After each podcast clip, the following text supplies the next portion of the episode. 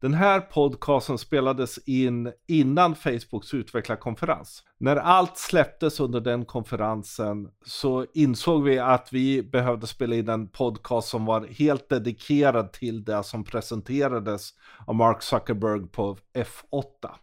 Men redan i den här podcasten, alltså innan konferensen, så pratade vi om en hel del av det. Vi länkar självklart till det avsnittet i show notes här under. Och självklart så är det ju faktiskt så att som ni hörde i det här avsnittet så pratar vi lite Pokémon Go. Ja, jag har börjat spela Pokémon Go också igen. Och självklart så för tre år sedan spelade vi in ett avsnitt om eh, just Pokémon Go. Och det länkar vi också självklart i show notes. Då förstår ni varför vi ibland pratar om att det är lite varmt och så. Det är helt enkelt ett par veckor sedan det här spelades in. Hoppas ni gillar podcasten.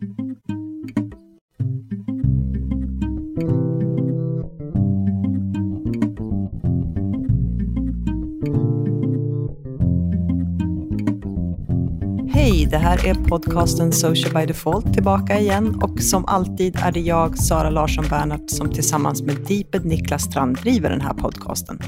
Vill ni kommentera avsnittet eller har idéer för framtida avsnitt? Twittra med hashtaggen Social by Default eller prata med oss på vår Facebook-sida alternativt vårt Instagramkonto. Hej Sara! Hej Niklas! Hur är det i sommarvärmen? Det är bra.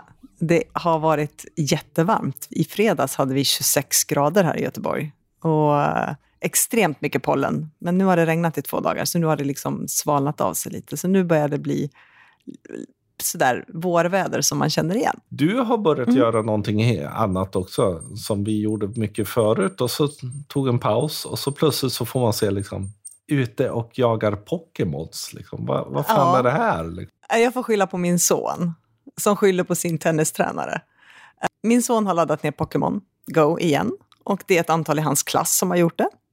Så det har liksom fått en liten uppsving i hans bekantskapskrets, vilket gjorde att eh, jag laddade ner det. Och min dotter har laddat ner det nu också. Så att vi har faktiskt varit ute och jagat Pokémons. Och det roliga är att de har ju utvecklat själva spelet väldigt mycket sen du och jag spelade för två mm. år sedan. Mycket av det vi saknade då har de ju faktiskt implementerat. Mm. Just det här att kunna byta Pokémons, man kan eh, se vad sina vänner gör och sådär. Och sen så är det ju roligt, jag tycker det är kul att fylla Pokéindex. Jag vill ju hitta nya och eftersom man inte har gjort någonting på två år Nej.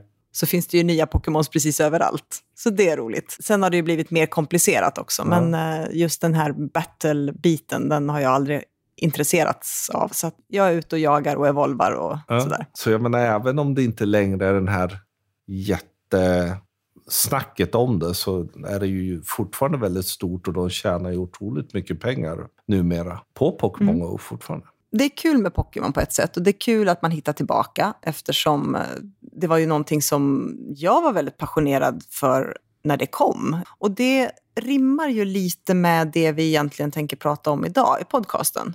När man gör någonting väldigt, väldigt, väldigt mycket, att kunna behålla passionen och intresset inte tröttna ur. Och du och jag hade ju en dialog för, för någon dag sedan just om sociala medier när man arbetar med det professionellt och hur man separerar eller inte separerar det privata användandet. Jag tyckte att den dialogen var ganska spännande, så när du kommer för förslaget om att vi kanske ska prata om det här, för jag kan tänka mig att det är fler som känner igen sig, mm. just när det gäller sociala medier så kände vi att det kan vara ett bra ämne att prata om. Det intressanta där också, kopplat tillbaka till Pokémon Go, handlar ju någonstans om att det är ju delvis tvåfalt ansvar också. Dels är ju att själv försöka hålla uppe intresset om man tycker det finns ett värde av det. Men också att det finns mm. ett ansvar hos så att säga, den som då skapar i det här fallet spelet, eller den som så bygger den sociala medieplattformen, att fundera hur kan man fortfarande ge människor den här känslan av att det är värdefullt att vara mm. där. Och det har ju plattformarna bråkat om i flera, flera år. Ja, och där kan man ju, alltså om man tar den delen så är, är ju alltid frågan om, gör de det på rätt sätt? Eller är det så att de använder kanske ibland för mycket neuromarketing-tricks och eh, nudging för att, mm. så att säga, vi ska vara kvar tidsmässigt men vi kanske inte upplever att det finns ett värde av att vi är kvar. Och då, då blir det ju kontraproduktivt. Nej, men för jag vet ju när vi har våra kurser så brukar vi ju alltid fråga liksom, våra kursdeltagare hur många, privat, hur många företag följer ni själva, organisationer, hur använder ni sociala medier? Och väldigt ofta, förvånansvärt ofta måste jag ändå säga, fortfarande, så hör man att nej, men jag följer inte så många eller jag använder dem privat. Mm. Och jag kan förstå tanken, samtidigt som om man ska bli riktigt bra på det här, så måste man också se vad andra företag gör som funkar och inte funkar. Och så har ju du och jag levt egentligen sedan vi känner varandra. Att för att vara trovärdiga i det vi gör så måste vi göra det fullt ut. Mm. Och det innebär att både du och jag har ju följt otroligt mycket företag, och organisationer och kommuner och NGOer och analyserat väldigt mycket av det de har skapat. Och det är ju en jätteviktig del att, att se liksom att ja, man måste så att säga försöka vara en användare gentemot andra företag för att förstå vad som, hur det ser ut från företagshåll. Mm. Men lite som vi också diskuterat, att problemet när man jobbar med det och ju mer komplext det blir, ju mer ansvar man kanske får lite, eh, är ju också att det lätt blir att det bara blir jobb och att man bara egentligen går in på sociala medier för att vara där, vara jobbmässig, även om man då kollar vad andra gör och sparar bra mm. case och sådana saker. Man tappar bort hela den här, ja men varför är de flesta människor där? Och det blir liksom ett gap mellan det vi är som professionella sociala medieanvändare och mm. det vanligt folk gör. Det är ju en utmaning, för jag menar, ju mer... Vi har ju båda varit väldigt, väldigt aktiva hela tiden i stort sett, på många plattformar samtidigt. Men jag måste nog säga att nu sista året, så har det ju varit tidigare också när man har jobbat med kunder, men då har vi gjort det under kortare intervaller. Men sen jag tog jobbet på SKF så är det ju så att varje gång jag går in, oavsett om det är Facebook eller YouTube eller Instagram eller LinkedIn, har det kommit några nya inkommande frågor? Hur ser engagemangsgraden ut? Hur har de senaste posterna funkat? Hur har de andra länderna postat? Vilket gör att det här roliga privata användandet mm. har nästan fått backa lite grann.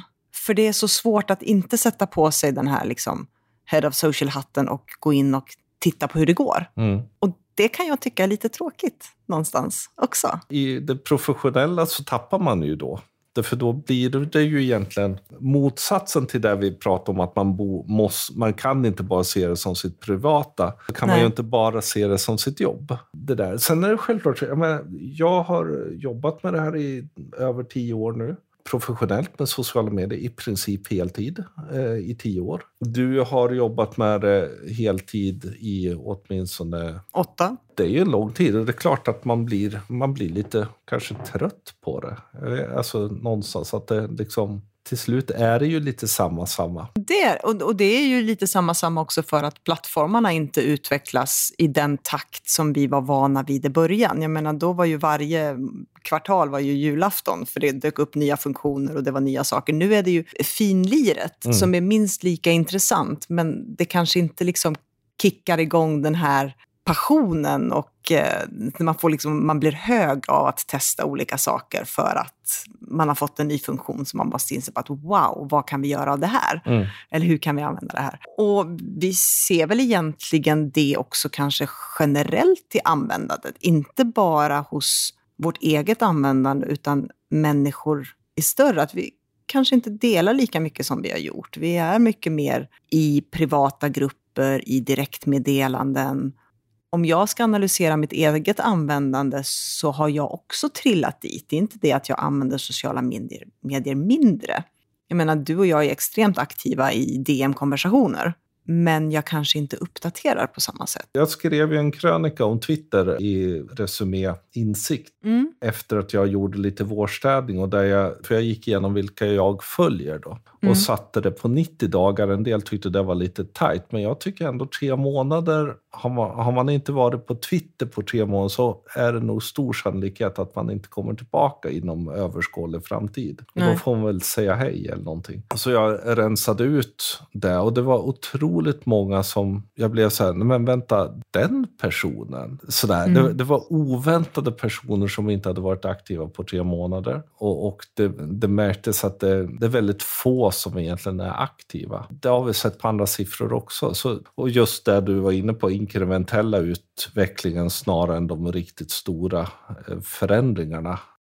Hur håller man upp uppe det här? Alltså en sak man, man kan göra som jag vet att vi har försökt med också är ju att helt enkelt börja byta flöden emellanåt. Alltså hitta mm. nya grupperingar, hitta nya kluster, börja följa helt andra Instagramkonton än vad man kanske var van vid från början. För att få de här små nytändningarna men också att försöka hitta då företag och organisationer. För jag menar, det handlar ju om hela tiden samspelet mellan mm. privatpersoner och varumärken och hur folk interagerar och hur man själv interagerar med vissa varumärken. Så så länge man är kvar i samma hjulspår så tror jag att då blir det liksom förvaltning av istället för utforskning. Och jag tror att man behöver påminna sig själv emellanåt för att komma tillbaka i det utforskande.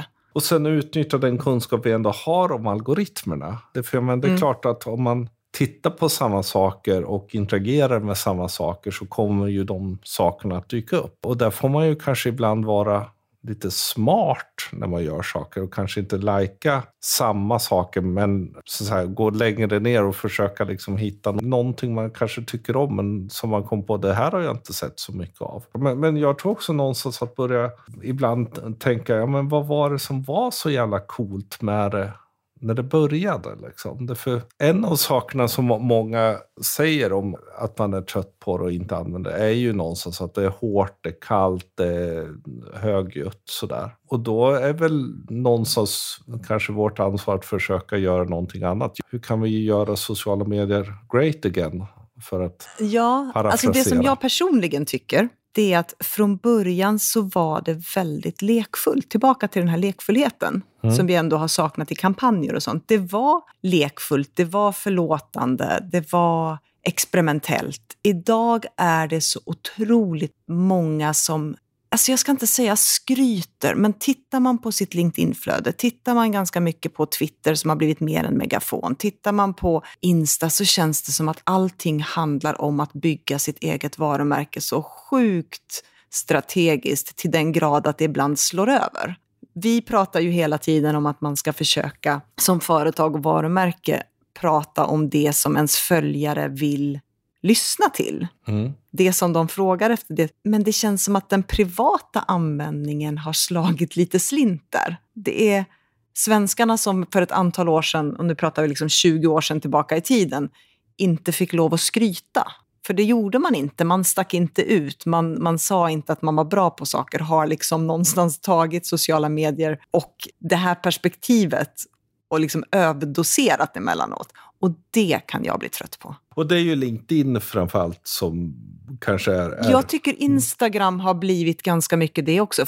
Människor som förut var väldigt genuina, som någonstans i sin jakt på att försöka bli influencer har förändrat hela sin kommunikation och det blir för perfekt. Det blir för tillrättalagt och det blir för strategiskt för att jag ska uppleva det som någonting som är kul att följa. Ja, men LinkedIn, där är vi som vår roll delvis. Medan Facebook är vi mer, eller de flesta är mer där som sin, så att säga, privatperson eller liksom icke-roll. Men sen tror jag att, ja, men både du och jag tror också delvis följer väldigt många som är duktiga på att tänka strategiskt och taktiskt och också ganska många som är egenföretagare i, i det här svängen. Så det kan väl vara så att vi kanske har en liten över, överväxel på sådana. Det är mycket, mycket, mycket möjligt samtidigt som lite när vi går igenom varför man delar det och varför man skriver saker så är ju liksom mitt eget ganska viktigt. Liksom. Det, de fina bilderna på Instagram, det, det liksom sällan det fula och det tråkiga. Liksom. Ja, men det har väl till viss del hamnat lite i stories, men ändå försvinner det där också. Där tycker jag å andra sidan det är ganska intressant att titta på min dotters generation.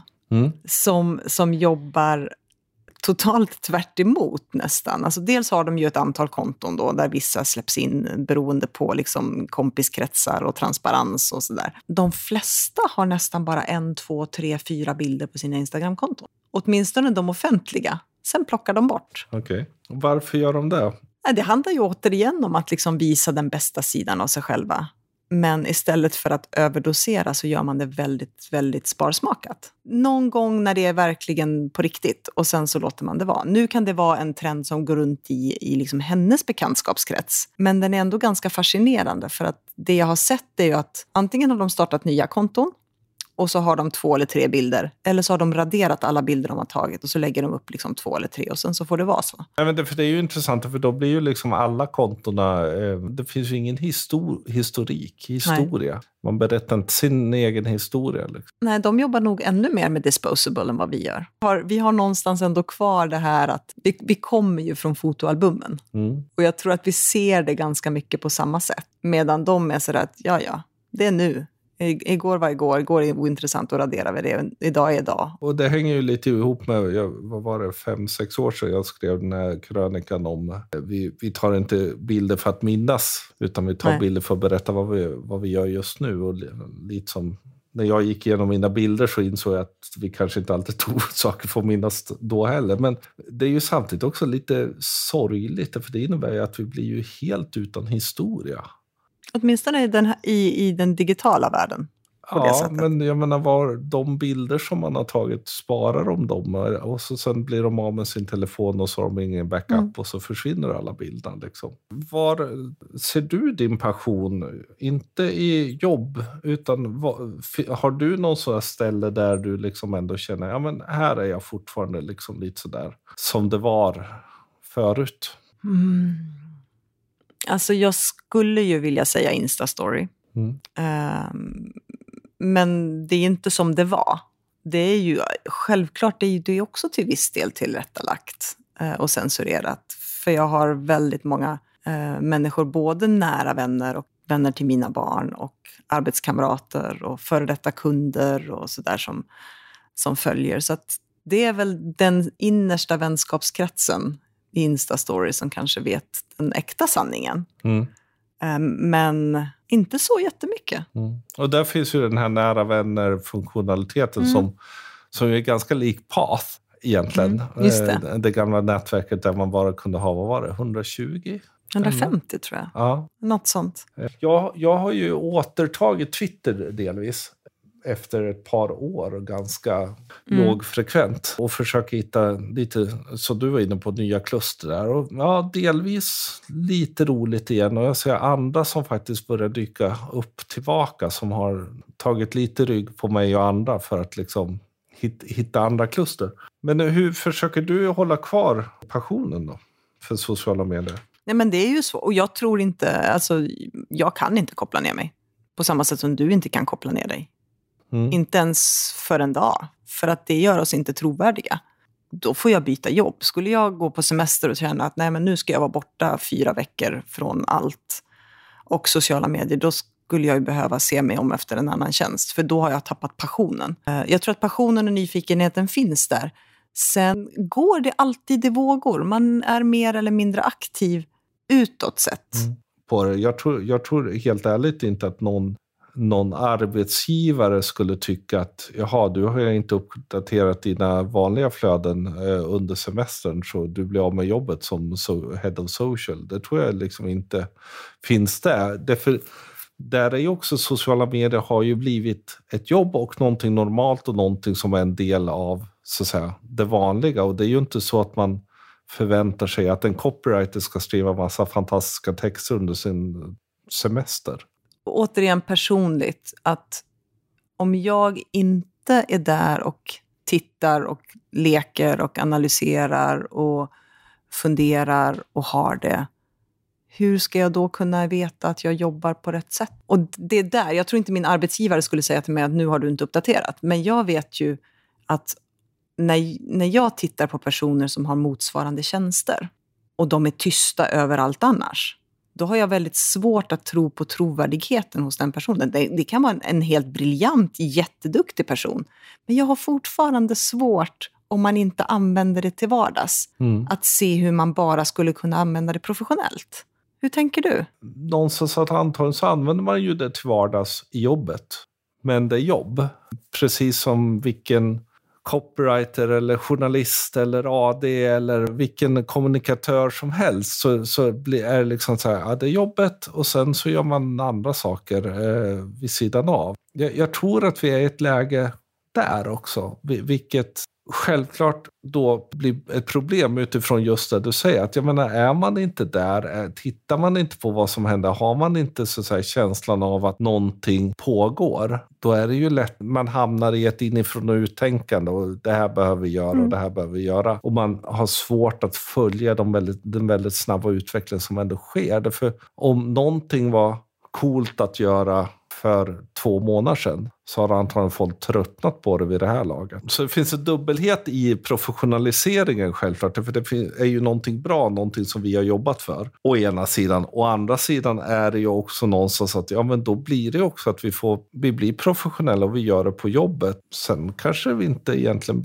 har någon lust eller har något, känner något behov av att göra det som privatpersoner. Då tycker jag att man ska söka ett annat jobb. Du är så hård.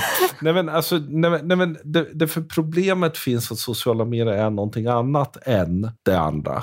Så jag håller ju med Mm. dig. Men jag tror att också professionaliseringen ibland lätt kan göra det. Och framför allt också någon sorts generellt att även, jobbar man med någonting hela dagarna i jobbet så är det ju kanske inte så att man, det är det första man tänker på att man har lust att göra när man kommer hem. Så är det ju. Det, det, och det vet jag många kockar säger. Ja, Jag men- menar som, som jobbar med det dagligen. Mm. Tycker det är superskönt att slippa laga mat hemma.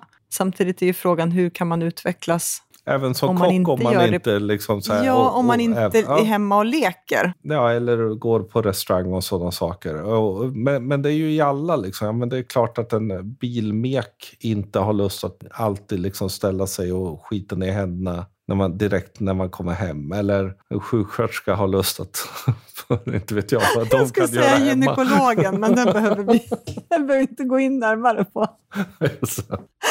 Jag tror att det beror lite grann på olika yrkeskategorier kanske. Men, men samtidigt så har vi någon sorts att man behöver ju göra flera olika saker. Och gör man, så att säga, jobbar man med sociala medier hela dagarna jätteintensivt, skriver, pratar med folk, är kanske community manager, så är det ju någonstans, man kommer ju samtidigt riskera att bli lite galen om man fortsätter med det när man är hemma. Jag, tror- jag, tror, ett, jag tror en svårighet är för det här kräver någonting lite mer än väldigt många andra delar, framförallt i kommunikationsbranschen. Så är det definitivt. Å andra sidan, PR-konsult som inte läser tidningarna under semestern är ju en dålig PR-konsult. Och, och jag tror att man, man behöver fundera både över då det som du var inne på, återigen, att följa faktiskt företag och inte glömma bort då att man bara är privat. Men å andra sidan också att faktiskt vara lite privat och fungera lite som vanligt folk. Så det du och jag får göra under semestern då, göra som kidsen, vi får öppna ett hemligt konto. Ja, Och så får vi bara vara privata. trollkonto. Nej, det sa jag inte. Jag sa ett hemligt konto. Du får köra ett hemligt Instagram-konto med en massa så här fot mot Fot mot strand. fot mot strand.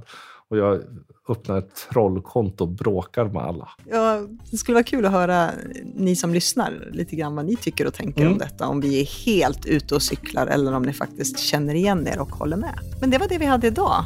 Och glöm inte att prenumerera på oss. Vi finns på iTunes, Soundcloud, Acast och Stitcher och det är bara att söka på Social by Default. Och vi finns på Spotify också, ska vi Just det. påminna om. Ge en jättegärna betyg på iTunes. Det är jättekul att gå in och få se att folk tycker det är kul och bra. Tyck till. Använd hashtaggen social by default eller eh, prata med våra konton på Twitter och Instagram och Facebook. Vill man prata med oss så heter jag deeped överallt. Och jag heter Sanna C. LB överallt. Vi hörs snart igen. Hej då! Hej då!